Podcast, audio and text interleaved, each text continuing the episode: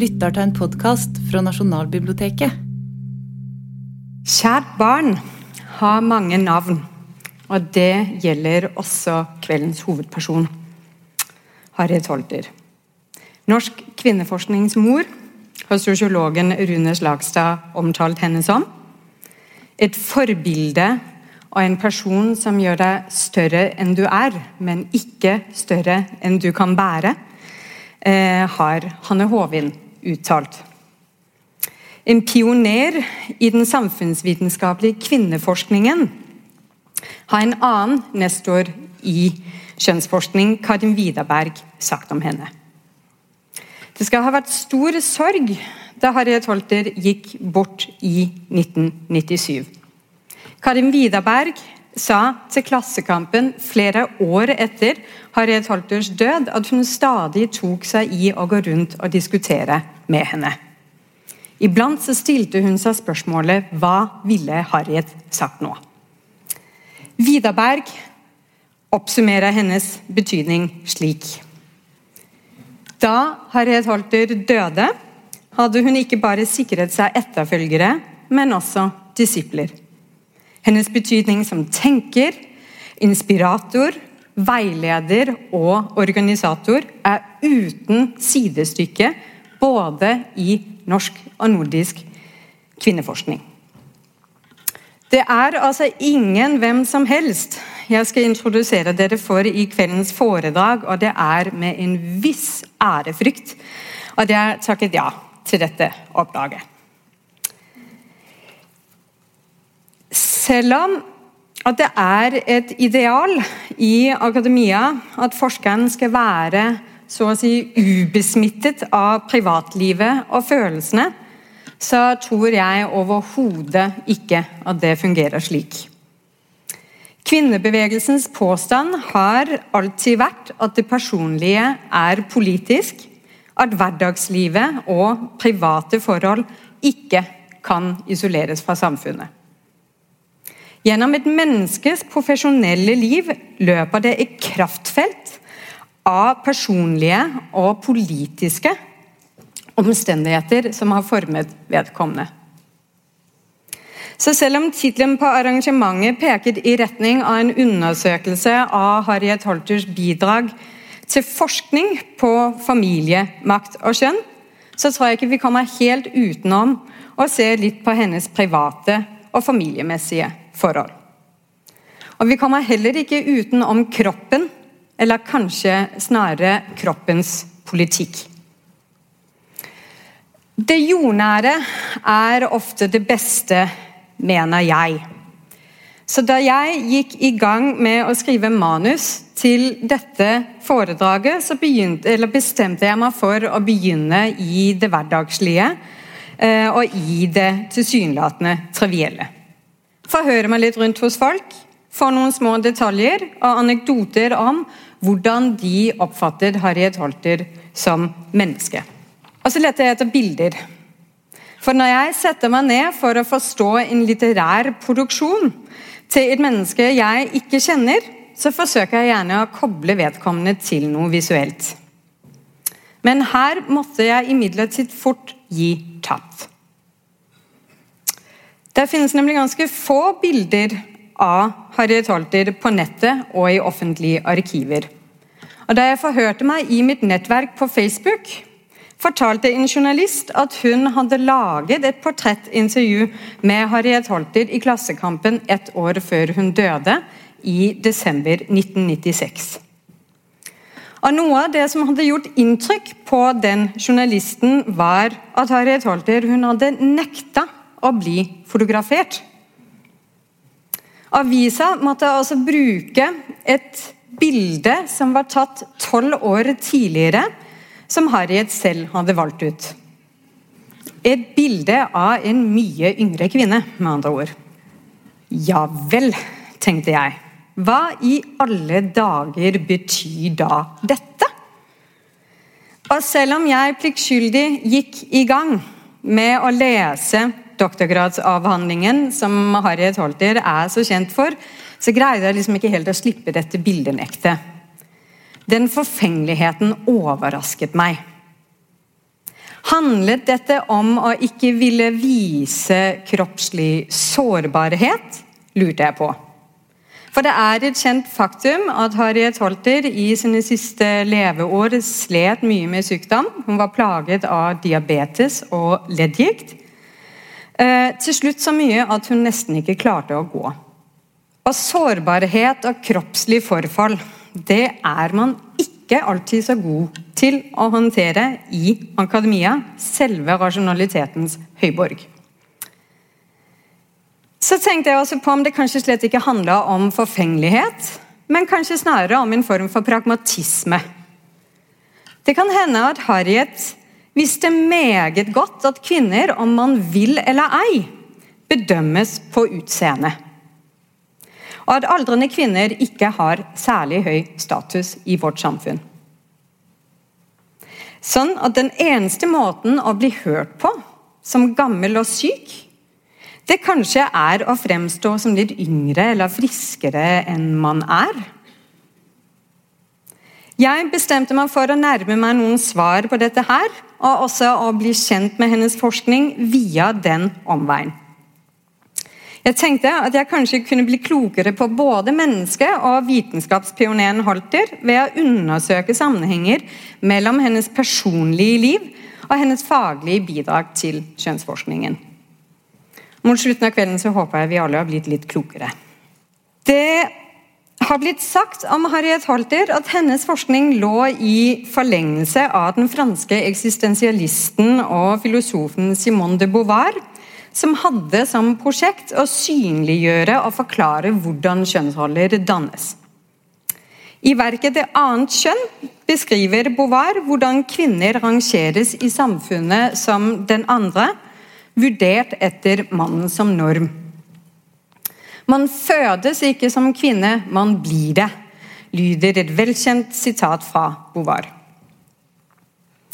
Om alderdommen, som er i, i, et litt mindre kjent verk som heter 'Om alderdommen', beskriver Bovar at også den aldrende er en annen.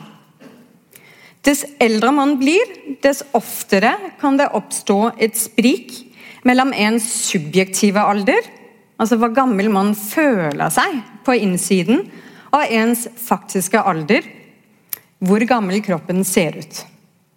Det blir et sprik mellom ens blikk på seg selv og andres blikk på en. Og man blir en fremmed for seg selv, mener Bovar. Ingen går gjennom livet uten å bli merket av de kroppslige erfaringene man har. Og heller ikke en vitenskapspioner. Det er jeg helt sikker på at Harriet Holter ville sagt seg enig i. I sitt banebrytende verk 'Sex Roles and Social Structure' skriver hun nettopp med referanse til Beauvoir at den skammen og fremmedgjøringen jenter føler ved sin kropp, og det faktum at de ikke er som gutter, er kulturelt skapt. A girl cannot be ashamed of her lack of penis before she has integrated the concepts of shame and penis inherent in her historical and cultural context, heter det. Med andre ord, penismisunnelse som et psykoanalytisk konsept finnes ikke a priori innleiret i en jentes syke. Et menneskes identitet, selvfølelsen, det skapes alltid i samspillet mellom dets biologiske forutsetninger og kulturen som mennesket lever i. Således eksisterer vårt blikk på alderdom og skrøpelighet altså heller ikke løsrevet fra kulturelle oppfatninger om dette som fenomen. Mens menn med alderen gjerne tilskrives mer pondus pga. sin livserfaring, gjør det motsatte seg gjeldende for kvinner. Kvinners verdi bedømmes fremdeles primært med utgangspunkt i deres fysiske attraktivitet. Det vil stort sett si om vi klarer å iscenesette eller representere ungdommelighet og skjønnhet hvorimot menn har et noe bredere register å spille på. Begreper som Silver Fox sladrer om dette.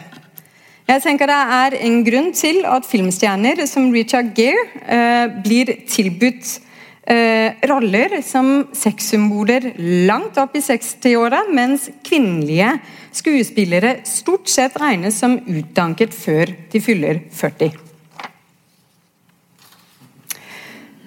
Med henvisning til Betty Friedens klassiske verk 'The Feminine Mystique' eh, fra 1963 leverer eh, Harriet Halter i Sexuals det er også en ganske krass kritikk av skjønnhetstyranniet og reklamebransjens forsterkning av det.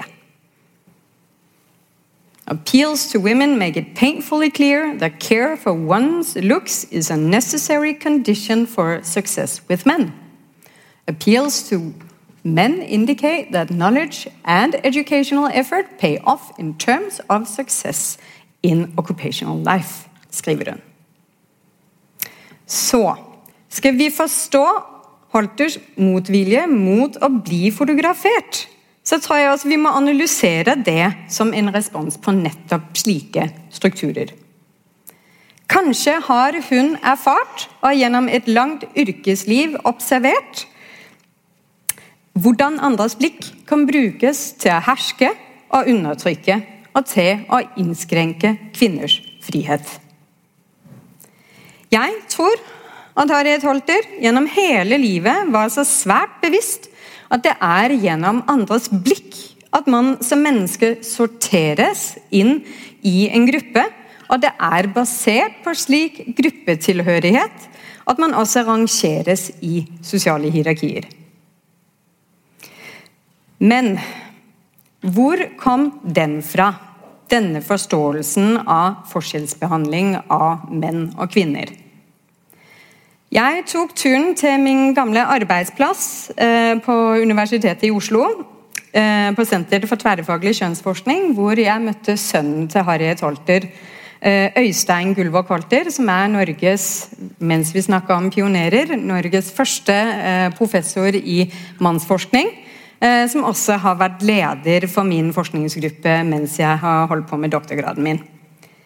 Eh, og Vi tok en kopp kaffe som ble til ganske mange, og han kunne fortelle eh, veldig mye interessant om eh, overlappet mellom morens personlige liv og hennes forskningsinteresser.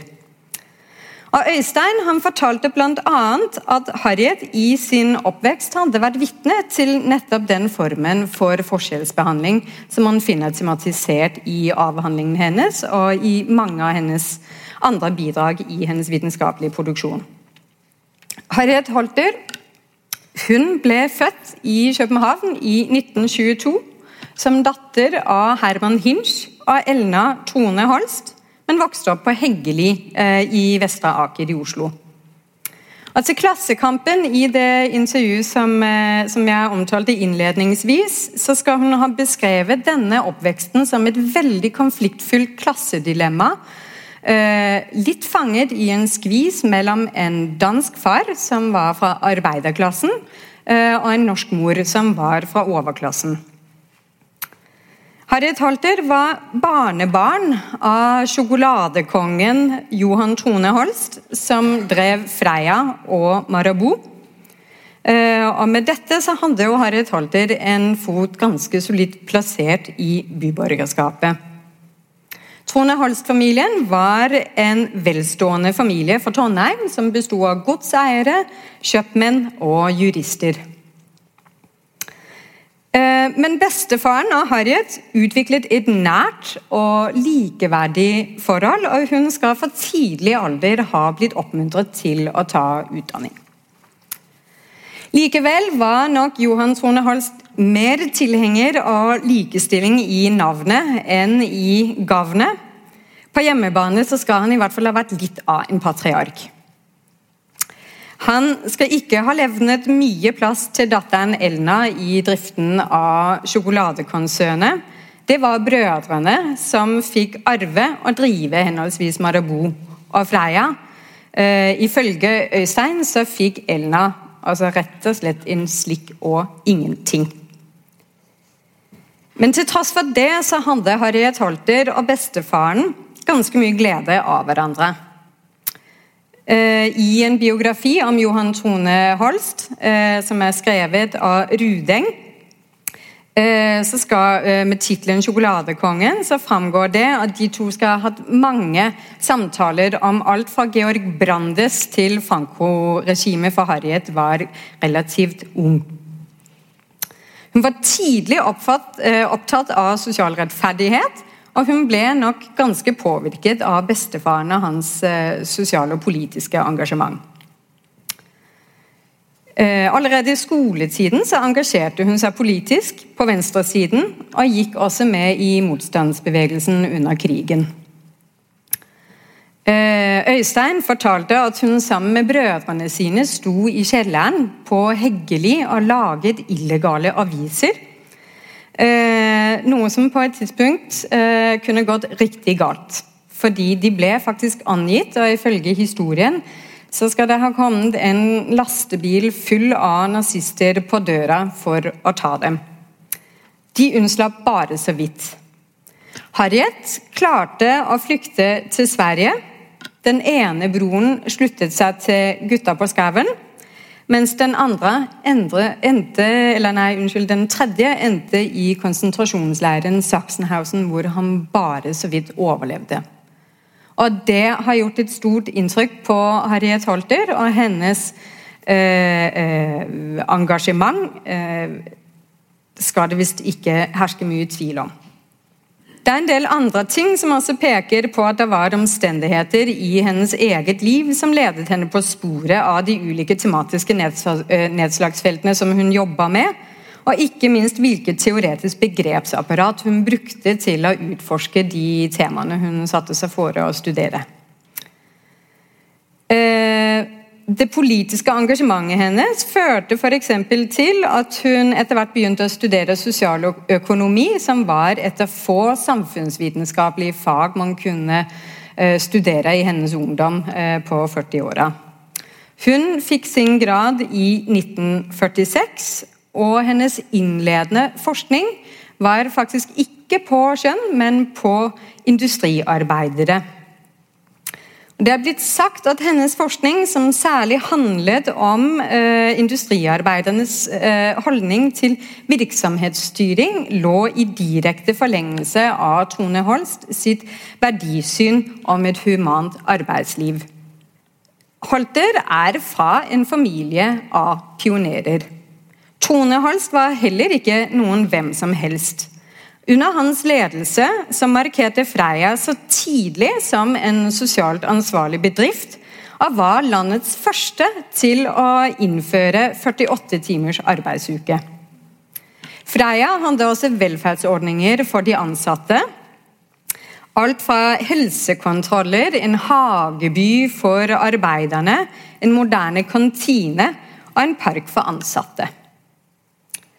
Det er blitt sagt om Harriet Holter at hun hadde en klar normativ orientering i sin forskning på industriarbeidernes kår, og at hun med sine artikler stilte spørsmål om hva som skulle til for å skape fornøyde medarbeidere. Da var særlig medbestemmelse altså var stikkordet. En god del av denne forskningen utførte eh, hun som ansatt ved Institutt for samfunnsforskning, eh, som også Tone Holst har vært aktiv i oppbyggingen av. Så Han var ikke bare en pioneraktig næringslivsleder, han var også veldig opptatt av eh, å bidra til forskning, kunnskap som kunne forandre samfunnet. Det tok Harriet Holter med seg. I løpet av 40-årene så møtte også Harriet Holter sin første ektemann. Som, eh, han var også økonom, Paul Boog. Men Harriet hadde ikke mye hell i kjærligheten. Dette forholdet det varte ikke. Og Kort tid etter bruddet så giftet hun seg med professor i filosofi, Ingemund Gullvåg, som hun fikk sønnen Øystein med i 1952. Og På det tidspunktet var Harriet Holter eh, godt og vel 30 år gammel og godt i gang med arbeidslivsforskningen sin. Men det her var jo ikke akkurat en tid med spesielt godt utbygget offentlig velferd. Man regner med at det var rundt 160 godkjente barnehager i hele Norge. Kvinner hadde bare rett på tolv uker permisjon med lønn før og etter fødsel. Eh, så resultatet for denne eh, ambisiøse kvinnen var at nei, da fikk Øystein eh, bli med på feltarbeid når hun skulle ut og, og gjøre intervjuer med arbeiderne på en industrifabrikk i Moss. Dette sier har jeg ikke klart å finne bildet, men det skal ha vært bilder av Harriet som liksom har Øystein med i, i barnevogna ut på fabrikk. Så det har jo vært temmelig krevende forhold eh, å, å, skape seg en akademisk karriere under. Det er også verdt å merke seg at Harriet Holter da tilhørte det lille mindretallet av gifte kvinner som studerte eller jobba. Og det, dette slo meg som sånn eh, Ja, å, begynne å lese statistikk på hvordan samfunnet var for den tiden tilbake, og se hvordan min generasjon av kvinner snakka om tidsklemme jeg måtte sånn, sitte og, og, og, og, tenke litt om vi egentlig er klar over hvor godt vi har det i dag. Fordi og I begynnelsen av 50-åra, da, da Harriet fikk sønnen sin, så var det faktisk bare ca. 5% av gifte kvinner som var yrkesaktive eller under utdanning, ifølge SSB. I det Holter hun gikk løs på den kjønnsforskningen som hun ble så kjent for. Så hadde hun altså et tydelig eh, sosialt engasjement og en godt og velutviklet rettferdighetssans, som definitivt var påvirket av oppveksten sin, så vel som de kjønnspolitiske realitetene som, som hun levde under. Hun var langt mer radikal enn bestefaren sin, men mellom dem så lå det også en gjensidig forståelse av respekt for forskjellighet. Eh, det kommer bl.a. frem i biografien om Johan Tone Holst at eh, eh, at bestefaren, han, til tross for at han tilhørte den borgerlige høyresiden i politikken, så skal han ha ført noe så radikalt som Arbeiderbladet. Og han har forklart for Harriet at, at han mente at det var veldig viktig å eksponere seg for liksom, annerledes tenkende impulser. Og Det er et karaktertrekk overalt hva jeg har sett, hvordan gamle kolleger av Harriet Holter har beskrevet henne som menneske og person. At man har å gjøre med eh, et, menneske som er vilje til intellektuell fornyelse, eh, og at hun er nysgjerrig. Vi har ikke å gjøre med noen dogmatiker. I hovedverket hennes om kjønnsroller og sosialisering den doktoravhandlingen som jeg allerede har sitert en del fra, eh, den kom ut i 1970. Og Den regnes som et av hennes viktigste tilskudd til kvinne- og kjønnsforskningen. I Norsk biografisk leksikon så omtales avhandlingen som det første store samfunnsvitenskapelige arbeidet om kjønn i Norden. I 2011 så kåret Norsk sosiologforening flere av tekstene i avhandlingen til å være blant de 25 viktigste bidrag til norsk sosiologisk kanon. Da jeg spurte Øystein om hva han mente morens viktigste bidrag til kvinner- og kjønnsforskning var, så trakk han frem denne avhandlingen. Hun var blant de første til å bruke sosiologiske begreper som differensiering og stratifisering anvendt på kjønn. Og differensiering, dvs. Si å atskille noen eller noe, mens stratifisering enkelt fortalt betyr å rangere noen eller noe statusmessig. Mer presis definerer Harriet Holter eh, differensiering som en systematisk måte å fordele oppgaver, begrensede ressurser, eh, privilegier og byrder på blant medlemmer i et samfunn. Basert på visse sosiale kjennetegn. Og De sosiale kjennetegnene som Harriet Holter er særlig opptatt av, er kjønn. Vi har altså å gjøre med en prosess som er et gjensidig konstituerende forhold mellom sosiale kjennetegn ved et menneske og hvordan det mennesket blir behandla. Som f.eks. hvilke oppgaver eh, man tildeles, og om disse oppgavene gir tilgang på politisk makt, kunnskap, tid og økonomiske og sosiale nettverk. Og Harriet Holters kongstanke det var at den lave verdsettingen av familien og reproduktive oppgaver, som ofte tilfaller kvinner, er uttrykk for en skjønnet forskjellsbehandling som også forsterker og leder til kjønnsdiskriminering. Resultatet av sånne prosesser, og det er ganske viktig, er ifølge Harriet Holter ikke bare kvinnediskriminering. Hun mener at menn også undertrykkes av et slikt patriarkalsk system, fordi den generelle nedvurderingen av kvinnelige egenskaper og oppgaver låser menn i et prestasjonspress og et liv hvor de får veldig lite tid sammen med barn og familie. Holter mente at disse kjønnsrollene var komplementære og utfylte hverandre. Men i motsetning til datidens rådende amerikanske sånn strukturfunksjonalistiske sosiologi, så så hun disse rollene som en kilde til ufrihet og konflikt mellom kjønnene. Så Der brøt hun altså med, med datidens eh, sosiologiske strømninger, som, ved, altså som vektla at samfunnet som sosialt system må ses som summen av deler som komplementerer hverandre, men det er helst på en måte som skaper og opprettholder harmoni. Og Det var hun sterkt kritisk til. Hennes funksjonalistiske sosiologi er konfliktorientert, til forskjell fra Særlig Talcott Parsons eh, eh, strukturfunksjonalisme, som ser på komplementaritet nettopp som en forutsetning for sosial stabilitet og samfunnets overlevelse. Så her er hun altså på kant med toneangivende mannlige amerikanske sosiologer. Det er ingen hvem som helst hun, hun gir seg i kast med. Modig dame. Denne avhandlingen undersøker kjønnsroller og likestilling på tre felt innenfor utdanning, yrkesliv og politikk. Og nettopp Når det gjelder yrkeslivet, så stiller Halter i avhandling spørsmål ved hva effektivt det systemet som plasserer og fastholder kvinner i den reproduktive sfæren, eh, og menn i den produktive sfæren, altså hvor bæredyktig det er også rent økonomisk på langt sikt. Og Det syns jeg er en interessant tanke. Fordi mens utviklingen av moderne kapitalisme jo nettopp har forutsatt en sterk spesialisering av arbeidsdeling mellom klasser og kjønn, så er det jo i dag en ganske allmenn enighet om at kvinners yrkesdeltakelse har vært helt essensiell for utviklingen av den velferdsstaten som vi kjenner i dag.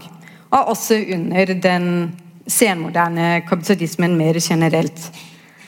Jeg gravde frem et nyhetsinnslag fra 8. mars i 2012, hvor tidligere statsminister Jens Stoltenberg uttaler det slik at hvis norske kvinners yrkesdeltakelse skulle reduseres til gjennomsnittet i OECD, så ville verdien av dette eh, produksjonstapet tilsvare hele oljeformuen vår, også den som befinner seg under bakken. Den norske modellen er utenkelig uten likestilling og kvinners deltakelse i arbeidslivet, sa Stoltenberg. Og det her forutså Harriet Holter altså på veldig pioneraktig vis på et relativt tidlig tidspunkt.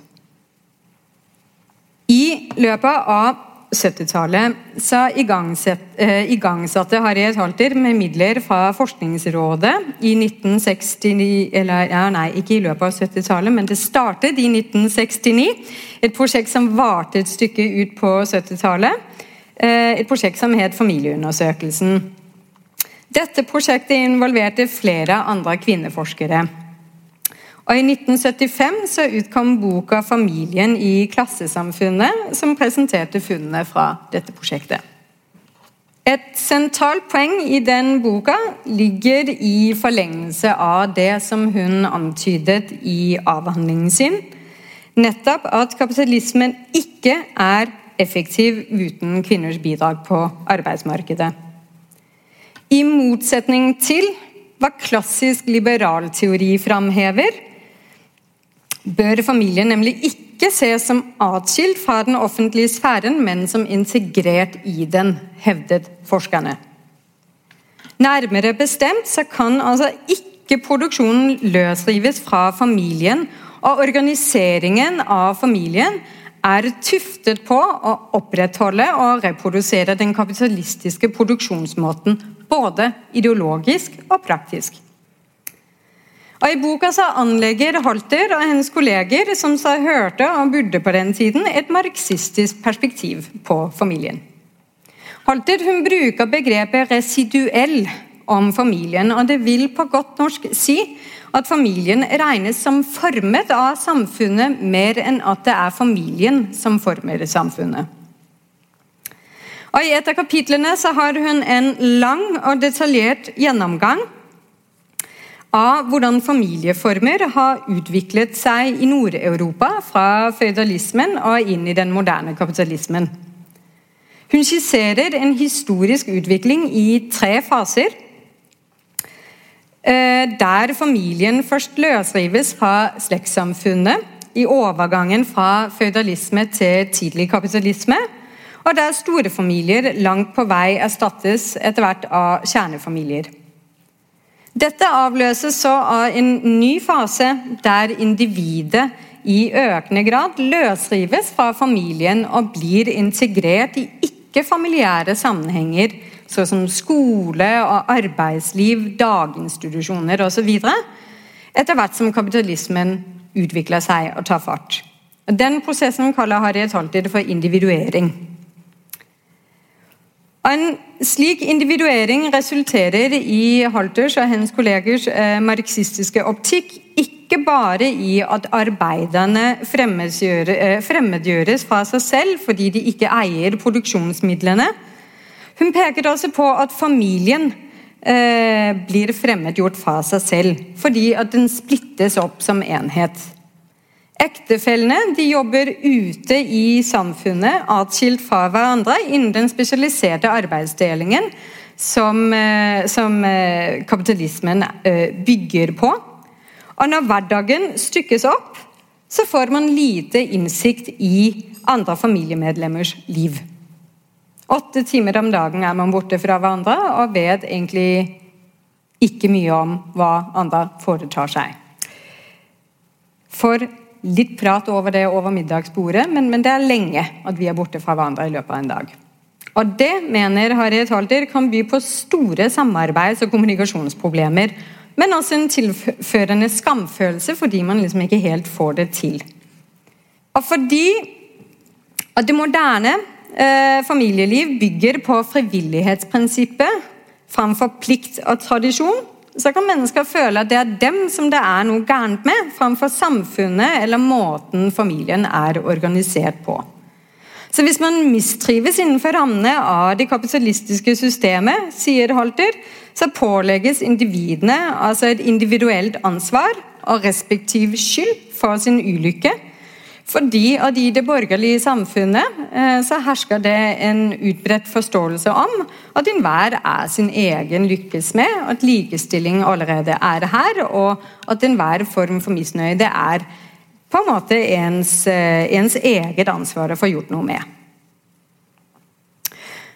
Og Her mener jeg at vi ser essensen av det som opptok Harriet Holter mest i forskerkarrieren sin det er hvordan maktformer endrer seg over tid.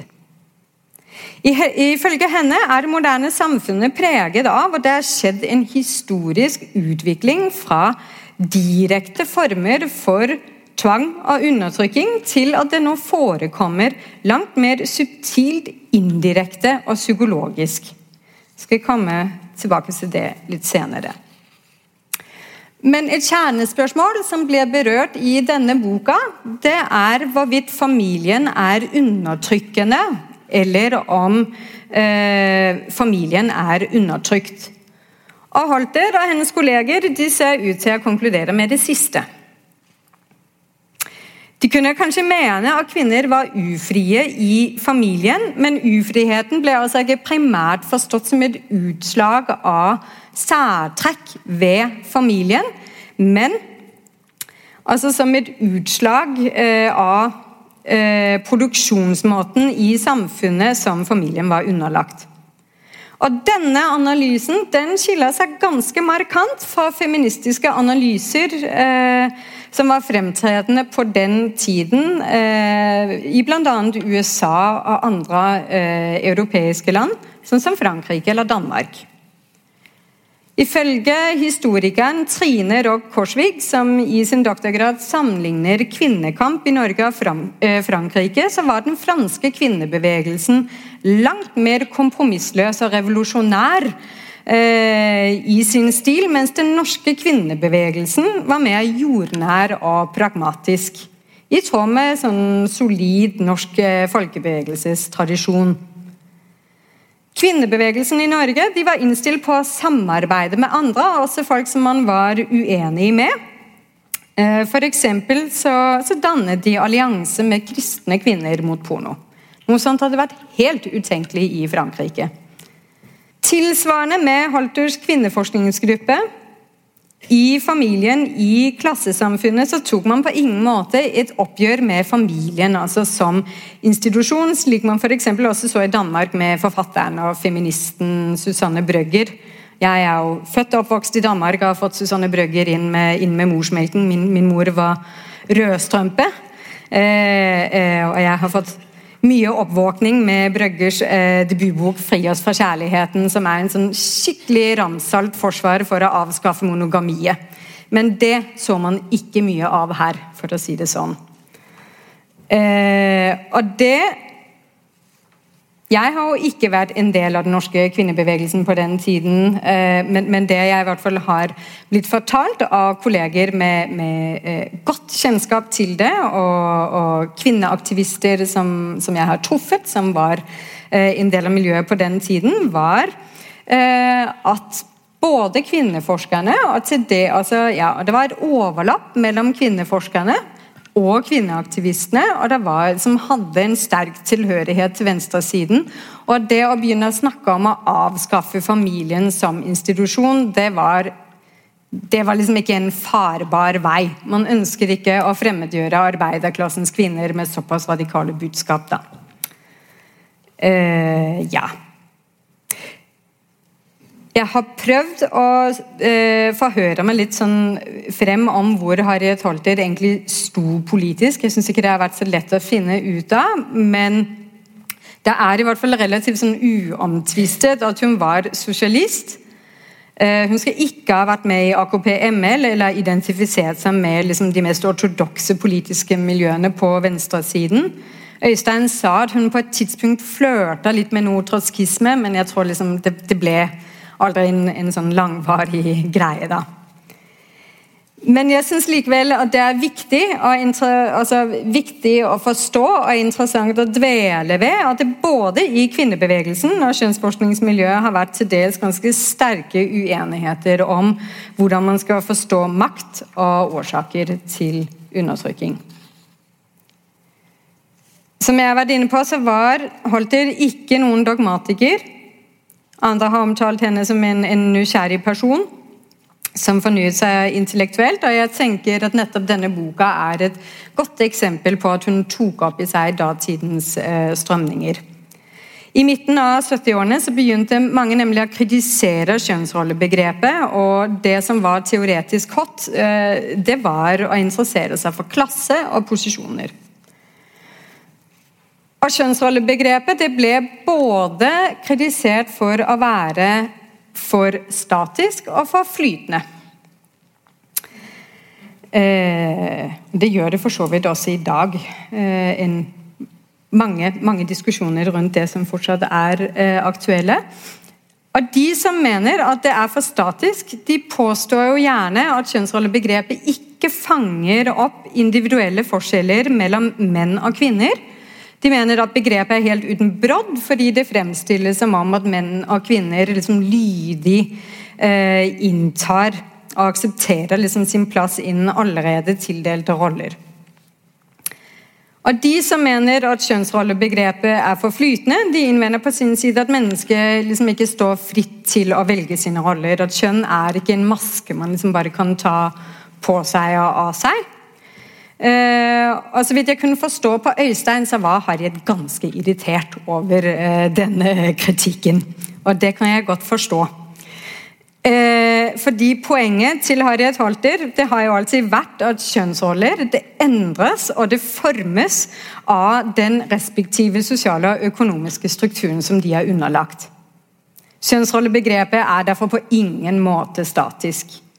Og Påstanden om at kjønnsrollebegrepet liksom skal være for flytende og vilkårlig, det faller jo etter hennes syn også helt på sin egen urimelighet. fordi at selv om mennesker inntar og tilpasser Uh, ulike sosiale roller, alt etter hvilken liksom, kontekst man inngår i, så er det ikke noen tilfeldig prosess.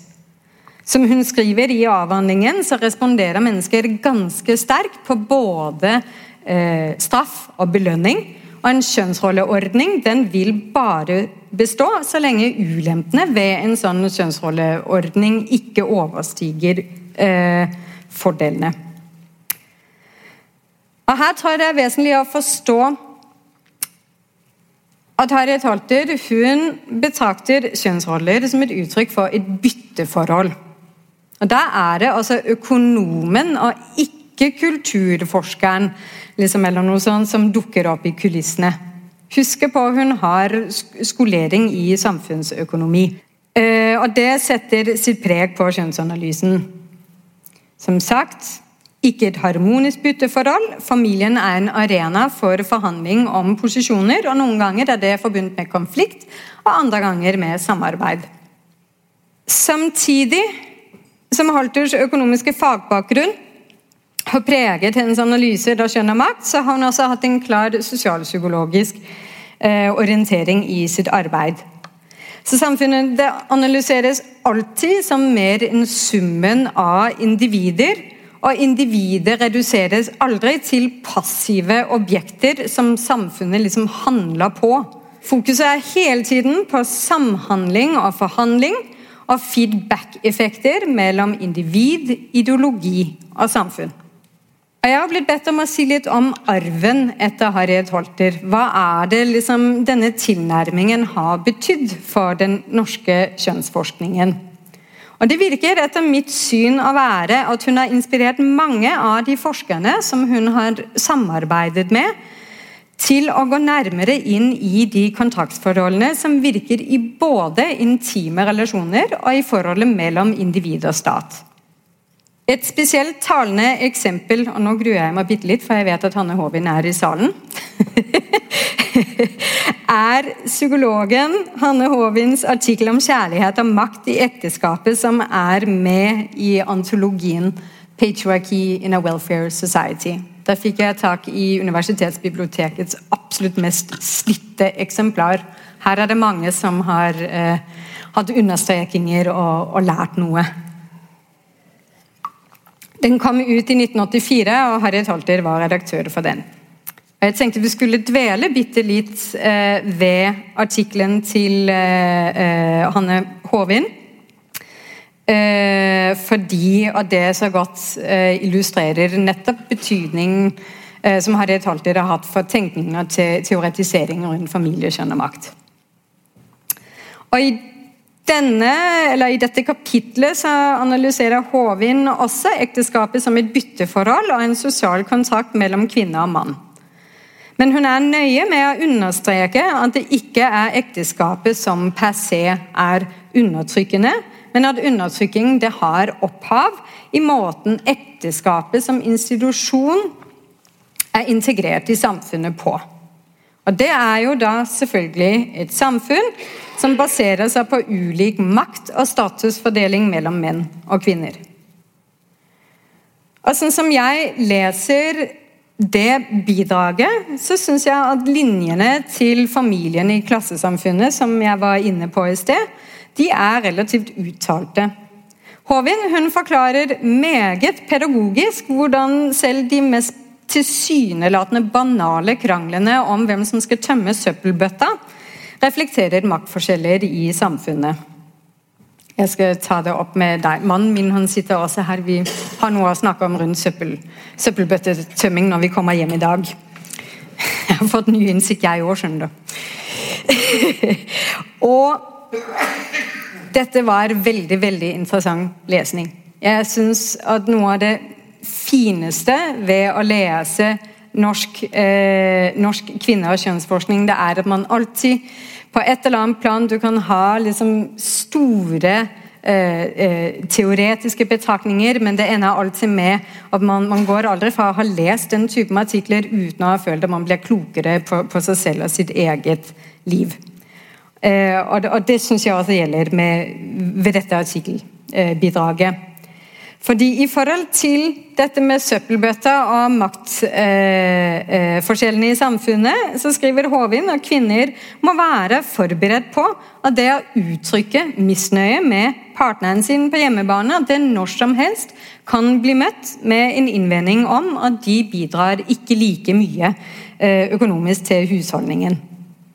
Så prisen for å bli forsørget, det er å godta det bytteforholdet hvor man bidrar med ulike ting i familien, men der den ene partens offer resulterer i økonomisk avhengighet av den andre, og således også en underordnet posisjon og mindre definisjonsmakt.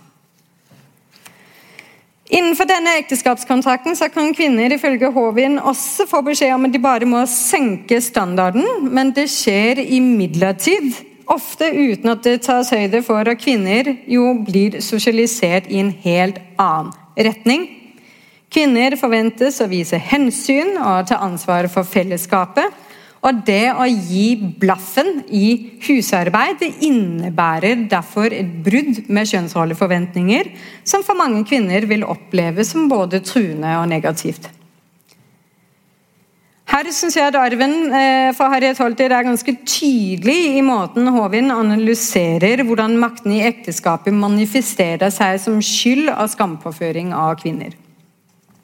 Dette er rett og slett, det er litt mine ord, ikke Håvins ord, en form for psykologisk hersketeknikk som er egnet til å få kvinner til å føle seg mindreverdige.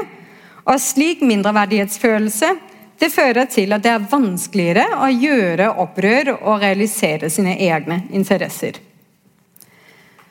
Som maktutøvelse så er det også en langt mer subtil måte å herske over andre på enn ved å utsette dem for direkte eh, fysisk vold og tvang. Og veldig effektivt er det òg. Fordi Får man et menneske til å tvile på seg selv, å ta på seg ansvaret for sin egen liksom, ulykkelige situasjon, så gjør man det på sett og vis også delaktig i egen undertrykking, men uten at undertrykkingen gjenkjennes som akkurat det. Og Dette er jo et av de mest sentrale bidragene til Harriet Holter. Denne forskningen på hvordan maktformer endrer seg over tid. I en kjent artikkel fra 1976 med tittelen 'Kvinneundertrykkelse, mannsundertrykkelse og hersketeknikker' beskriver hun hvordan undertrykkelse har endret seg fra å være synlig, direkte og fysisk, til å bli mer usynlig, subtil og psykologisk. De nye formene for undertrykkelse reflekterer endringer i allmenne former for undertrykkelse og at fremveksten av liberalistiske ideer om individuell frihet og likhet har gjort det umulig å legitimere og opprettholde synlig og voldelig eh, maktmisbruk. Eksempelet hun trekker frem, er at kvinner før har blitt rettslig dominert, og at samfunnet i større grad godtok fysisk vold, mens den primære undertrykkelsen av kvinner under den senmoderne kapitalismen i dag foregår ved at husmødre blir isolert, eller i form av hersketeknikker eh, som latterliggjøring, dobbeltkommunikasjon og skyld- og skampåføring. Hersketeknikker eh, hindrer kvinner i å realisere sine interesser, mener Holter, og tar til orde for søsterskap og kritisk forskningspraksis som avdekker skjult makt.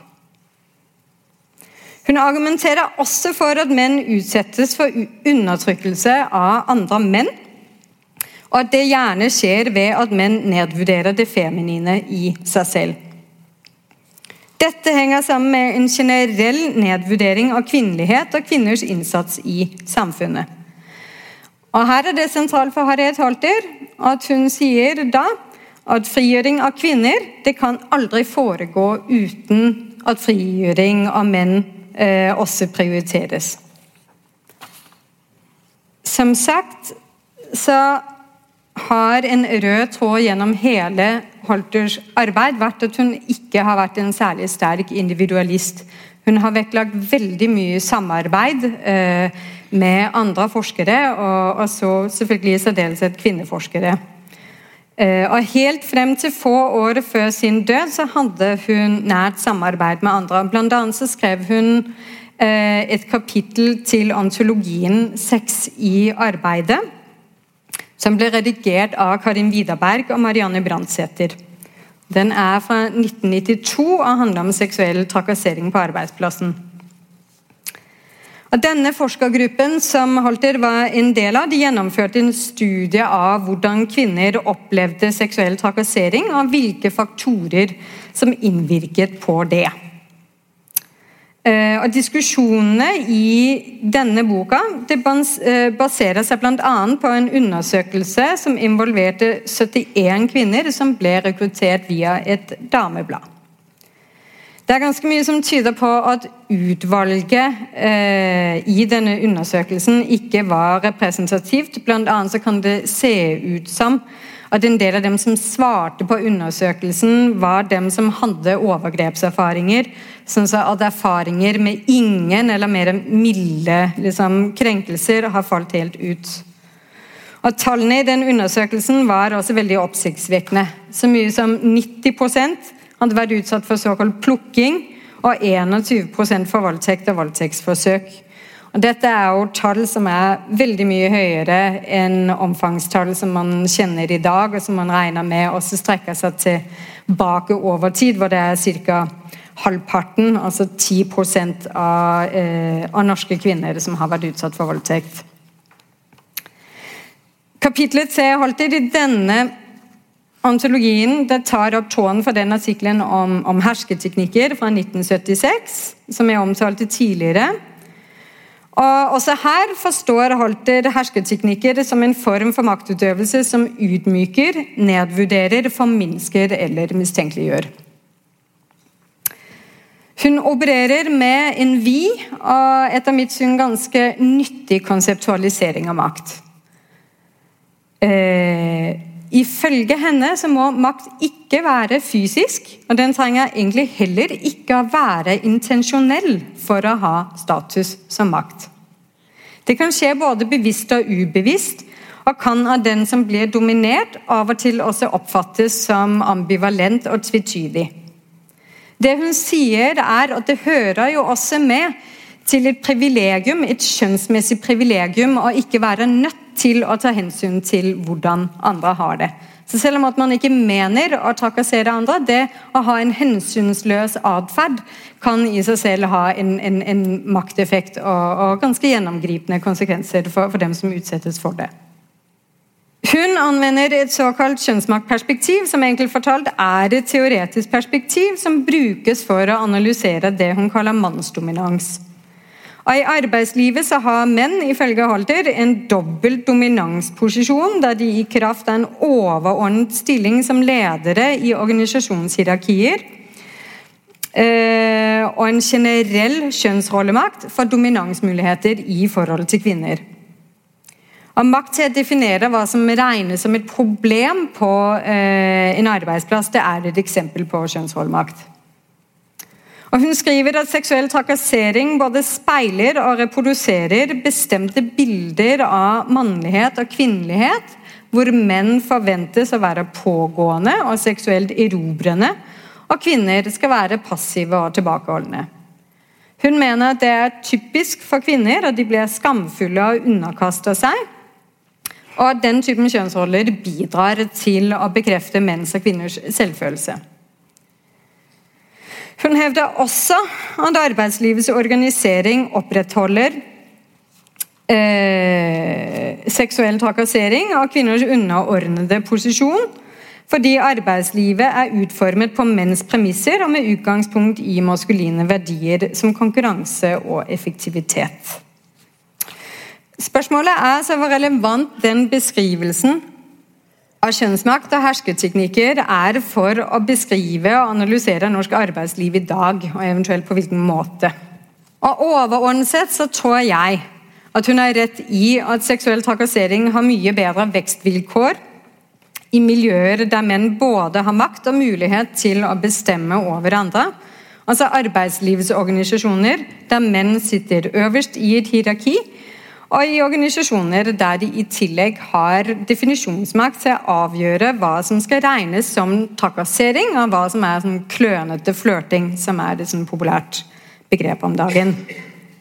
Det betyr ikke at bare for om menn de sitter øverst på toppen, at de vil misbruke den makten, men kombinasjonen av dette med å ha en plass øverst i et, eh, i et, hierarki, og det å ha et sånt miljø med veldig tradisjonelle kjønnsrolleforventninger, kan gjøre at det fåtallet av menn som ønsker å misbruke sin posisjon, har bedre muligheter for å gjøre det. Jeg syns vel kanskje ikke at Holters teori om seksuell trakassering av mannsdominans tar tilstrekkelig høyde for at de fleste kvinner ikke jobber på særlig mannsdominerte arbeidsplasser, men faktisk på kvinnedominerte og kjønnsblandede arbeidsplasser. Ifølge SSB er hotell- og restaurantbransjen og helse- og omsorgssektoren på topp i trakasseringsstatistikken. Og I hovedsak er det kvinner som utsettes for den seksuelle trakasseringen, men dem som trakasserer, er typisk kunder, eh, pasienter eller klienter, og i mindre grad kolleger og sjefer. Og Et kjønnsmaktperspektiv som forutsetter at menn som gruppe er overordnet kvinner som gruppe, eh, forklarer etter mitt syn ikke godt nok hvorfor sektorer med stadig flere kvinnelige ledere på toppen ikke har lavere forekomst av seksuell trakassering. Og Her tror jeg rett og slett at det kan være vel så nyttig å se på hvordan midlertidighet eller svekkede arbeidstakerrettigheter kan gjøre det vanskelig å organisere seg eller varsle om ukultur på arbeidsplassen. Og Det er jo allmenne trekk ved arbeidslivet som kan forklare utbredelsen av mange typer trakassering, og ikke bare seksuell trakassering. En annen ting som etter mitt syn kanskje heller ikke helt står seg, det er jo den beskrivelsen av arbeidslivet som legges eh, til grunn her. Eh, jeg tenker ikke at det er en spesiell beskrivelse av hvordan norsk arbeidsliv er eh, organisert. Eh, det var selvfølgelig sånn da Holter selv ble yrkesaktiv på 40- og 50-tallet. Men å skrive noe sånt i 1992, etter Brundtland-regjeringen, etter flere år med en relativt aktiv eh, kvinnepolitikk, syns jeg virker kanskje litt vel bastant. Eh, jeg syns vel nok også at hun på en måte her mot slutten virker litt sånn vel pessimistisk, altså rett og slett på vegne av mulighetene for sosial endring og kanskje en litt sånn vel firkantet forståelse av maktrelasjoner mellom kjønnene. Eh, her tenker jeg ikke minst på at arbeidslivet eh, har endret seg veldig mye da, eh, siden begynnelsen av 90-tallet. En av de mest kjente og, og vellykka reformene er jo innføringen av fedrekvoten, som, som, ble innført året etter at denne artikkelen utkom. og Den har ført til at man i dag ikke lenger snakker om det Helga Hernes har omtalt som den kvinnevennlige velferdsstaten, men også som den farsvennlige velferdsstaten. Eh, og Et uttalt mål med fedrekvoten har jo nettopp vært å endre på eh, maktforholdene på hjemmebane og få menn mer engasjert i familie og omsorg. Og jeg tror eh, helt klart at det har medført nye kjønnsrollenormer og helt nye praksiser i familiene, som selvfølgelig vil innvirke på hvordan menn erfarer seg selv som kjønn, eh, og følgelig også hvordan, hvordan de opptrer på arbeidsplassen. I hvert fall så har fedrekvoten ført til eh, at menn bruker mye mer tid på barn og familie. Eh, og dette er jo også noe som Harriet Holter og hennes kollega Erik Grønseth lenge tok til orde for. Så mange av hennes familiepolitiske visjoner har heldigvis også blitt hørt. Noe av det som jeg liker aller best med artikkelen, nå nærmer jeg meg avslutningen, og som gjør det jeg likevel vil anbefale folk å fordype seg i den i disse metoo-tider, altså det er det, jeg synes den på en veldig fin måte får frem hva makt er, og hvordan den virker. Jeg syns hun har et veldig skarpt blikk på subtile maktformer. Eh, og at hun har mange kloke tanker om hvordan makt må endre seg, alt etter hvordan den rådende likestillingsideologien eh, eh, også endrer seg. Hun skriver bl.a. at diskurser om likestilling begrenser hvilke argumenter som betraktes som gangbare for skjønnet forskjellsbehandling. Så en sånn aggressiv og veldig fiendtlig sexisme som åpenlyst nedvurderer kvinner, er ganske utenkelig i dag. Hun mener at det er mer trolig at diskriminering og forskjellsbehandling opptrer fordekt som skyldpåføring, ufarliggjøring og latterliggjøring. Nærmere bestemt at kvinner usynliggjøres som likestilte kolleger, samtidig som de synliggjøres som kjønn. Jeg syns at det er veldig interessant at det nettopp er seksualitet som blir noe av det siste Harriet Holter engasjerte seg i i forskerkarrieren sin. Jeg kommer ikke nærmere inn på det nå, men hun engasjerte seg også veldig eh, i forhold til overgrep mot barn. Eh, og det er som om den sårbare kroppen trenger seg på mot slutten av livet og karrieren. Og Med den observasjonen så sluttes på en måte også sirkelen i dette foredraget. For Jeg innledet jo kvelden med å referere til en hendelse som på overflaten i hvert fall kan se ut som en ubetydelig anekdote. En forsker som ikke vil bli tatt bilde av. Men i tråd med arven fra Harriet Holter selv, så er jeg altså hellig overbevist om at det å dvele analytisk og intellektuelt ved slike tilsynelatende hverdagslige situasjoner kan ha noe for seg. Jeg tror ikke at det er ubetydelig at en av vår tids fremste feministiske vitenskapspionerer så aktivt unndro seg andres blikk på et tidspunkt i livet hvor hun var gammel og sårbar. Jeg tror kanskje nettopp at vi kan betrakte hendelsen som en protest mot en potensiell usynliggjøring av henne som en faglig autoritet og en synliggjøring, eller en potensiell synliggjøring av henne som gammel og svakelig. Ville hun ikke godta, det skjønner jeg godt. Noe endelig svar på mysteriet om dette bildenektet det finnes neppe. Men jeg syns at vi i hennes vitenskapelige produksjon finner mange verktøy for å analysere og forstå hvordan menneskelig subjektivitet blir formet av blikk, og hvordan blikk, sagt med hennes egen terminologi, bidrar til å differensiere og stratifisere mennesker i sosiale og økonomiske hierarkier. Jeg syns at den viktigste arven etter Harriet Holter er at hun så tydelig viste og analyserte hvordan det private og hverdagsliv både speiler og reproduserer en makrostruktur i samfunnet som er sterkt bundet opp til kjønn.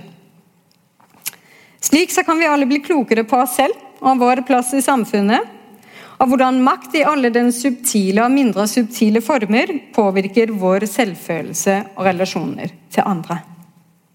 Og Slikt intellektuelt arbeid det er det bare de mest betydningsfulle vitenskapspionerene får til.